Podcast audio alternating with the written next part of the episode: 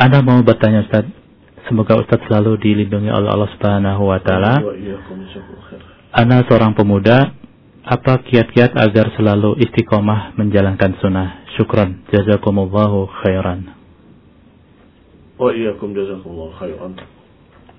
Agar kita istiqomah teorinya ya. karena pertanyaan ini sangat sangat mewakili pertanyaan saya dan pertanyaan semua kaum muslimin. Semua orang merasa khawatir. Bagaimana besok? Bagaimana lusa? Bagaimana tahun depan apalagi? Mengapa? Karena al-qulub bain usba'ihi min asabi'ir rahman.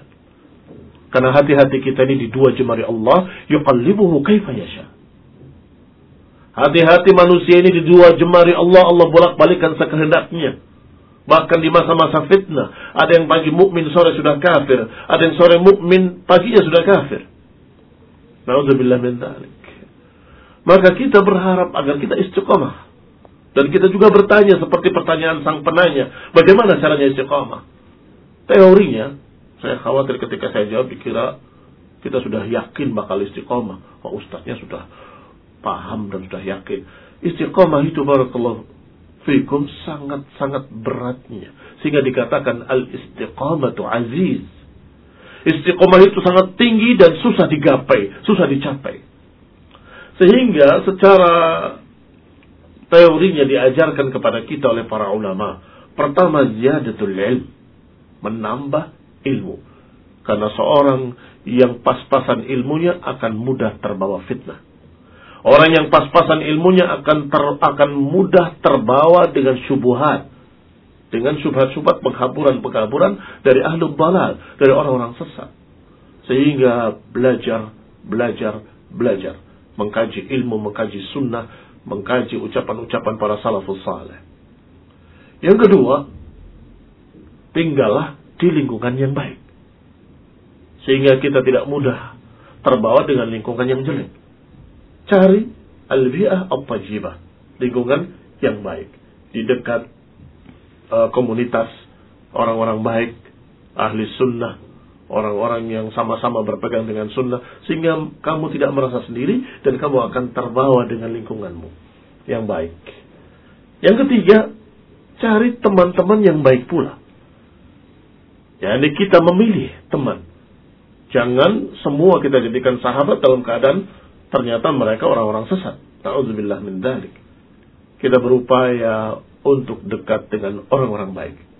Orang-orang saleh, ahli sunnah, pengikut salafus salih, pengikut salaf. Itu yang kita dekati mereka. Sehingga kalau kita dekat dengan ashab tayyibah, orang-orang baik, ashab tayyibin, maka niscaya akan tegak di sana amar ma'ruf nahi munkar. Kalau engkau menyelisihi sunnah di tengah lingkungan yang jelek, di tengah orang-orang sahabat-sahabat yang jelek pula, maka nggak akan ada yang menegurmu. Kamu menyelisihi sunnah, mungkin bakal didukung oleh mereka. Ah gitu. Itu namanya engkau bermasyarakat, engkau bersosial ila akhir. Tetapi kalau engkau di tengah-tengah ahli sunnah, di tengah-tengah orang-orang saleh, pasti dia akan menegur, ya akhi itu haram, itu menjadi sunnah. Itu pentingnya. Kita cari lingkungan yang baik dan cari teman-teman yang baik. Yang keempat, berdoa. Selalu berdoa. Ya muqallibal qulub. Tabbit qulubana ala dihnik. Ya musarrifal qulub, sarrif qulubana ala ta'atik. Dan dalam doa tersebut, Barakallahu fikum, ada yang ke lima. Yang keempat doa, yang kelima pengakuan kelemahan. Mengapa ini penting dalam masalah istiqamah? Karena betapa banyaknya orang-orang yang menyimpang dan gagal istiqamah karena ujub dan bangga diri. Karena merasa diri hebat. Saya orang yang cukup ilmu. Saya orang yang paling soleh. Saya orang yang banyak salat malam. Saya banyak puasa di siang hari. Saya, saya, saya ila akhir.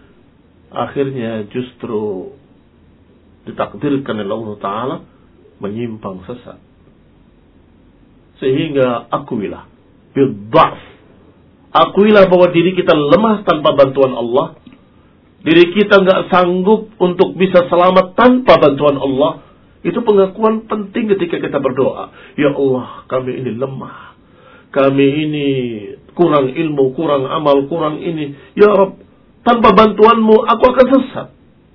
Rabbana la tuzigh qulubana ba'da id hadaitana wa hab lana min ladunka rahmah. Ya Allah jangan sesatkan hati-hati kami. Setelah engkau beri petunjuk pada kami. Dan berikanlah rahmatmu kepada kami. Ila akhirnya. Doa dengan pengakuan kelemahan diri ini akan lebih dikabulkan insya Allah Bismillahirrahmanirrahim. Demikian yang seingat saya Allah taala alam perkara-perkara yang akan membantu kita untuk istiqamah. Mudah-mudahan saya, kamu dan seluruh pendengar radio Indosiar dan juga seluruh kaum muslimin diberi oleh Allah SWT istiqamah di atas tauhid dan sunnah. Amin.